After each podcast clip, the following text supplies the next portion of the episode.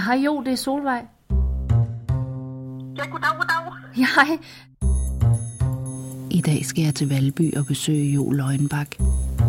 Hun bor i en lejlighed på 4. sal, og hun har inviteret mig hjem til sig selv. Tak. Nej, nej. Jeg ringer til Jo i forbindelse med vores kommende forestilling Sexpol, som handler om gruppen af samme navn. Og det gjorde jeg, fordi hun er datter af psykolog Buddha Løgnbak og læge Jonathan Løgnbak. De var begge en del af den idealistiske og sexpolitiske gruppe Sexpol, som i 1930'ernes København kæmpede for en bedre verden. Hvor er det sjovt, I skal lave sådan en teaterstykke. Ja, det synes vi da også, at det Bruger er. I mest Leas bog? Lea Korsgaard er journalist og har skrevet bogen Orgasmeland, som handler om den første seksuelle revolution i Danmark og om gruppen Sexpol, som stod bag. Og den historie er så vild, at det måtte vi bare lave en forestilling om. Men det er fiktion, ikke? Altså, jo. Du lytter til en podcast, produceret af Teaterstub. altså jeg, kan, jeg tror, de fleste mennesker kan, men jeg kan virkelig fortælle om min barndom, sådan når folk tænker, hold da op, hvor er hun heldig. Altså, det er den side af det. Og så kan jeg fortælle, fremhæve nogle andre ting, og så tænker de, hvordan står hun på sine ben. Nå, jeg skyndte mig at finde nogle pæne frem. Ja, ja. Så har vi børnebilleder. Nu er vi...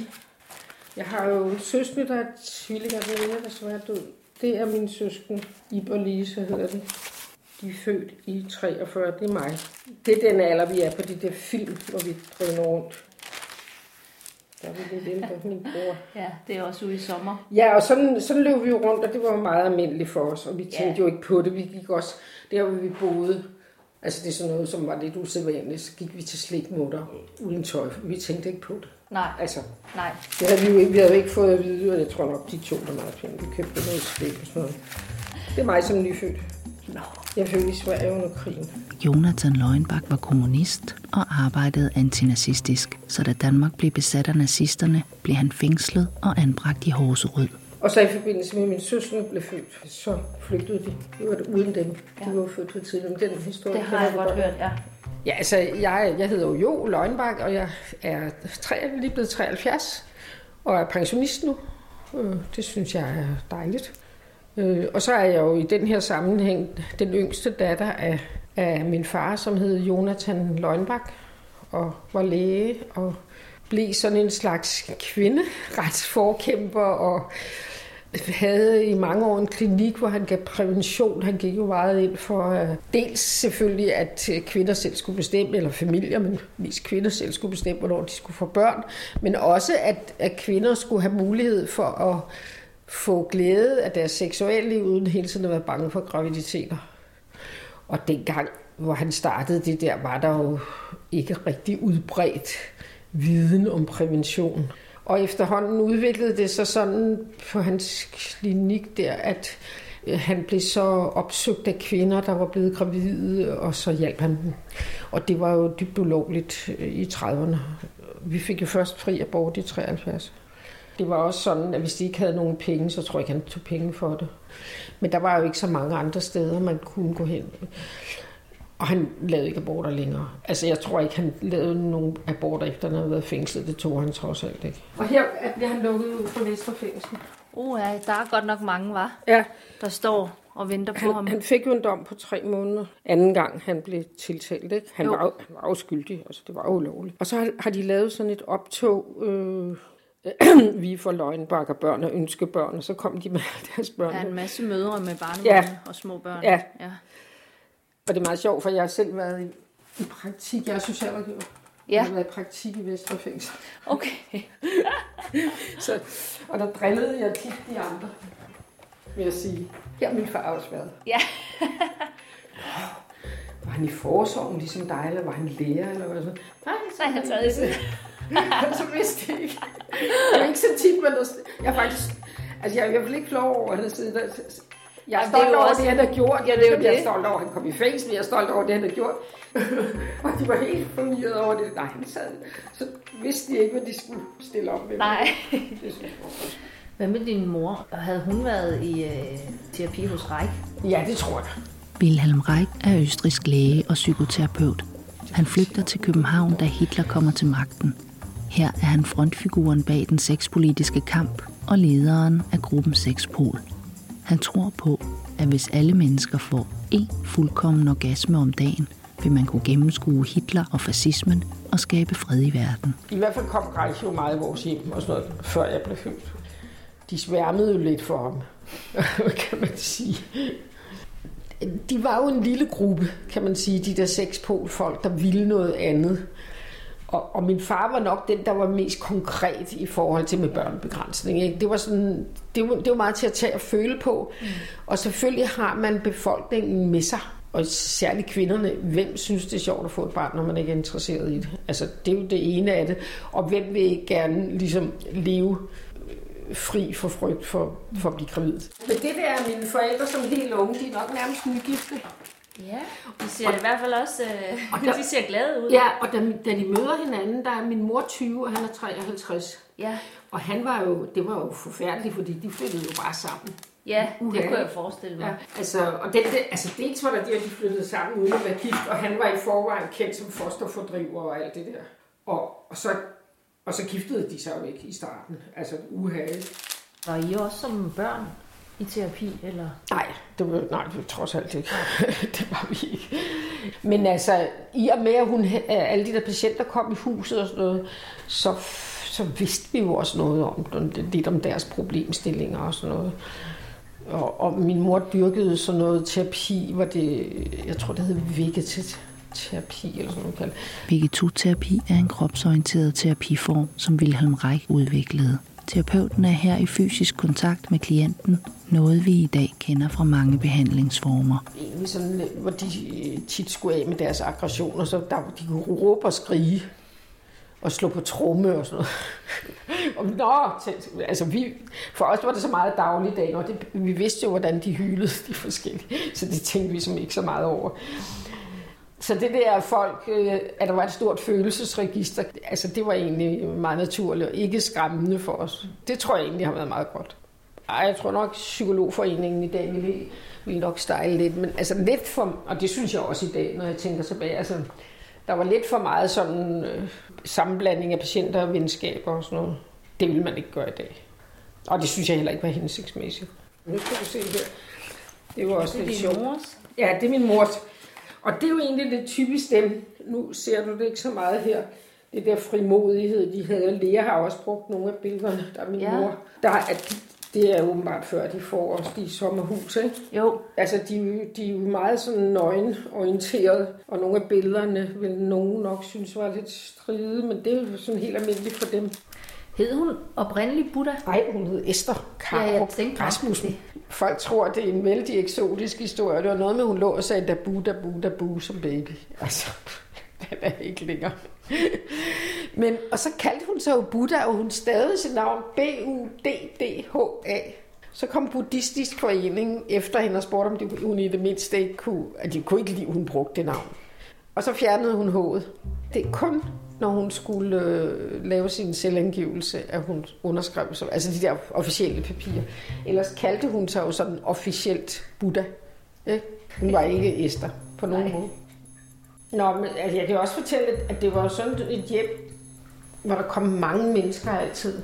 Altså på den måde et sjovt hjem at vokse op i. Altid mange mennesker, mange gæster, meget frit. Og de gik meget ind for selvregulering. Hvis nu vi ser filmen, så var det jo også så... Selvregulering er en antiautoritær opdragelsesform. Altså sådan som min mor har fortalt det, for, så, så havde de også sådan noget med, da vi var helt, helt små der havde de en idé om, at børn ville, med hensyn til mad, vi ville vælge det mad, som var sundt for os. Så de, de lavede sådan noget, jeg ved ikke, hvor tit de gjorde det, om det var hver dag og sådan noget. Jeg tror det faktisk, det var lidt besværligt. De stillede sådan et udvalg af mad foran os, og så kunne vi selv vælge. Og der havde de altså, og jeg ved sgu ikke, om vi valgte det sunde, eller vi valgte det sunde. Men, men det var sådan en af tankerne, ikke? at børn var så sunde, at de selv Ja, at man i det hele taget, det selvregulerende bestod jo nok i, at børn på en eller anden måde finder ud af, hvad der er godt for dem, men man ikke skal styre dem så meget, eller guide dem så meget. Eller jeg tror, vi opførte os nogenlunde ordentligt.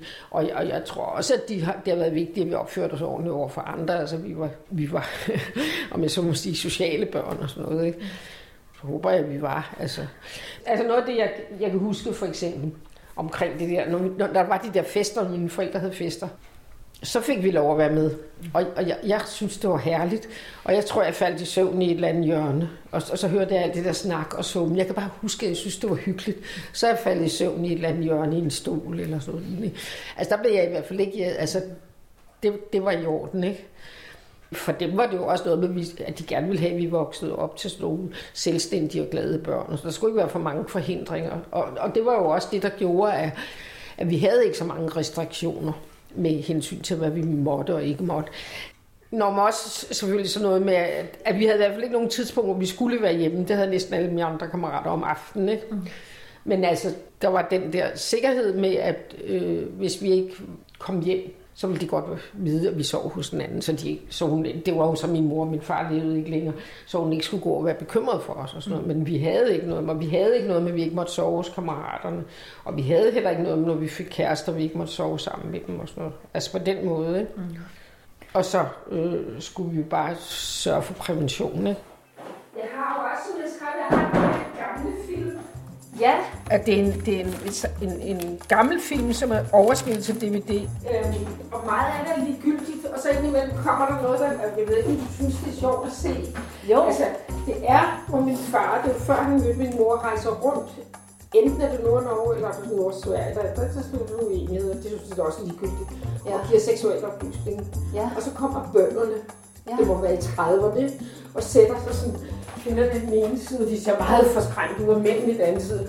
Og at der er ikke uh, tale til, det er en film, min far har optaget. Så står Elise Ottsen Jensen, som var ligesom forgangskvinde i Sverige. Jeg tror ikke, vi rigtig har Elise med.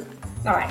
Som, men hun ligger der jo som inspiration hele tiden. Det gør ja, ja. jo mange af de... Hende kender jeg jo heller ikke særlig meget til. Elise Ottesen Jensen var norsk født og journalist, og sammen med Jonathan Løgnbak udgjorde de en nordisk duo inden for oplysningskampagner om prævention og sex. Sammen rejste de rundt i Norden og uddelte gratis kondomer og pessarer. I smalfilmen, som Jo har fundet frem, er de på rejse i Lapland. Det er også meget godt, de har haft et kamera med, var? Ja, Jamen, det var jo ret usædvanligt, at min far havde sådan en filmoptager, sådan 16 mm dengang. Men altså, de lavede det arbejde sammen, og jeg tror også, der er noget, der tyder på, at de er også kissemisset. Det tror jeg også. Nu er vi faktisk der, hvor de holder foredrag i hende. Er det også Elise? Det er Elise Ottsen Jensen, Der sidder de i græsset der. Du ser mænd og kvinder sidder ja. hver for sig. Ikke? Jo. Hun er meget insisterende. Ja. Du ser, de ser sådan lidt beklemt ud. Det er ikke sådan noget, de er vant til at høre om. Nej. Nej, de sidder og trykker så lidt. De her. Om hun er der virkelig, hun har noget på hjertet, Elise. Ja, jamen det kan man. Der er slet ikke tvivl. man, man gad godt, at man også kunne høre, hvad hun sagde. ja, ja.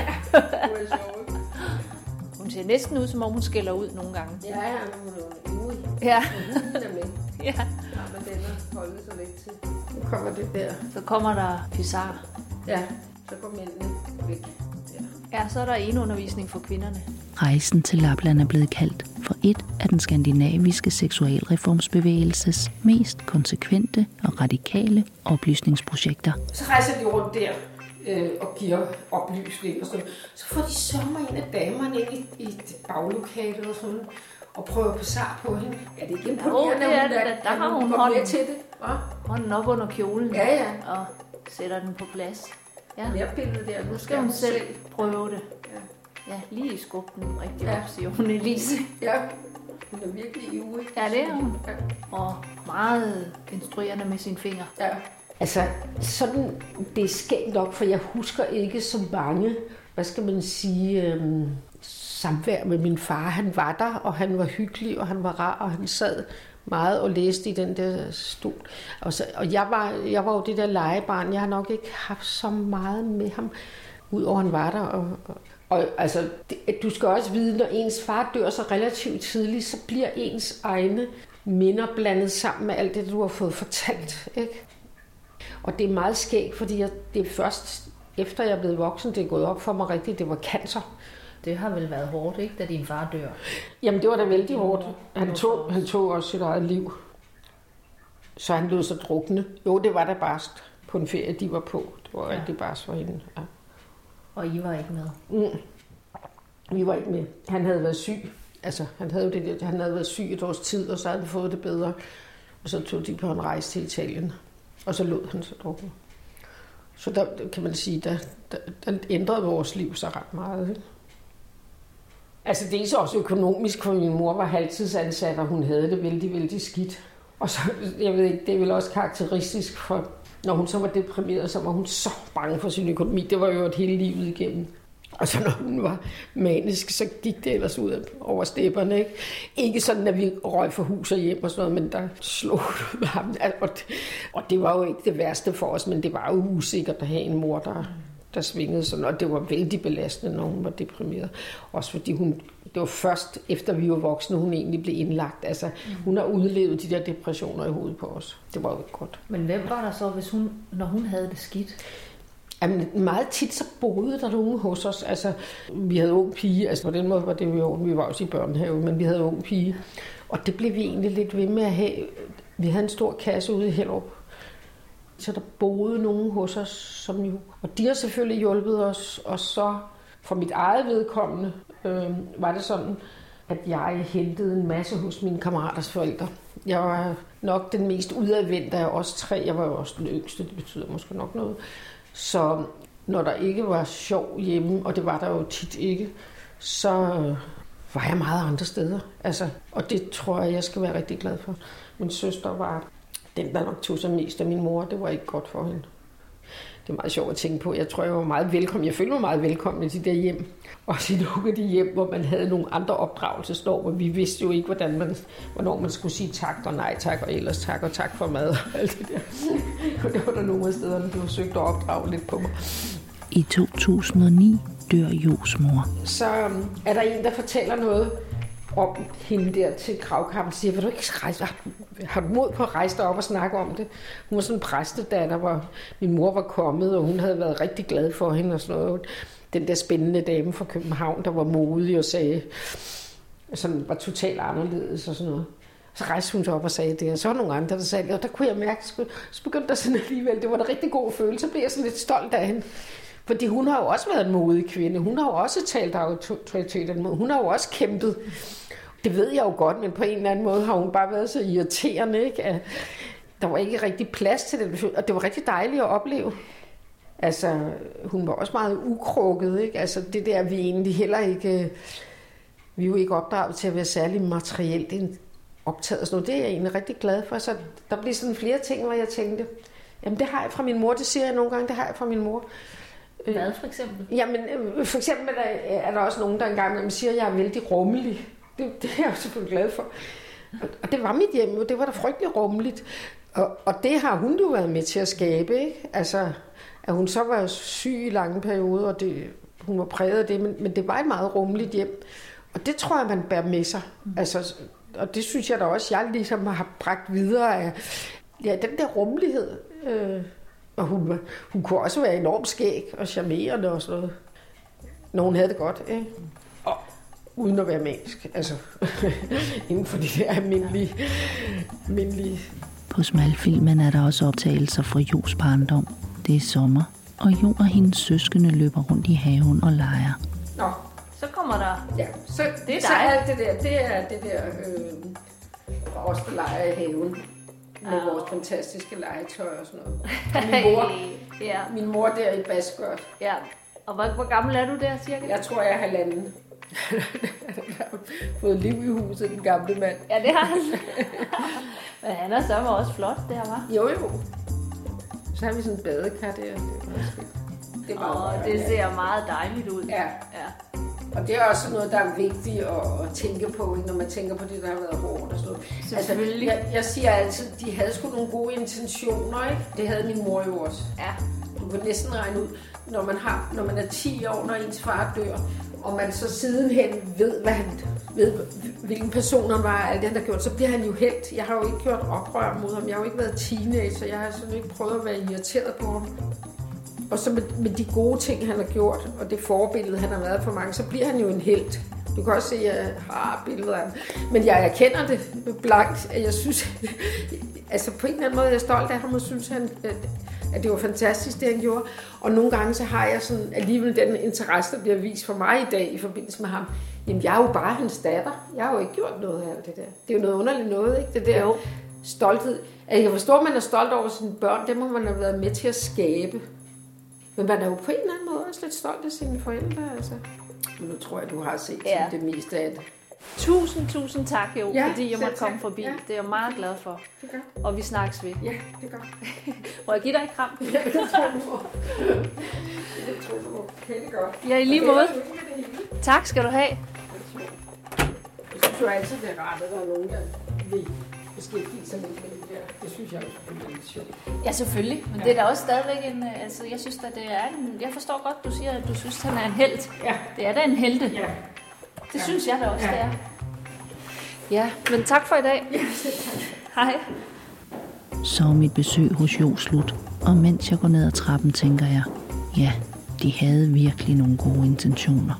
Mit navn er Solvej Kjungsuk Christiansen. En stor tak til Jo Løgnbak, fordi hun ville dele sin historie med os. Og tak fordi du lyttede med.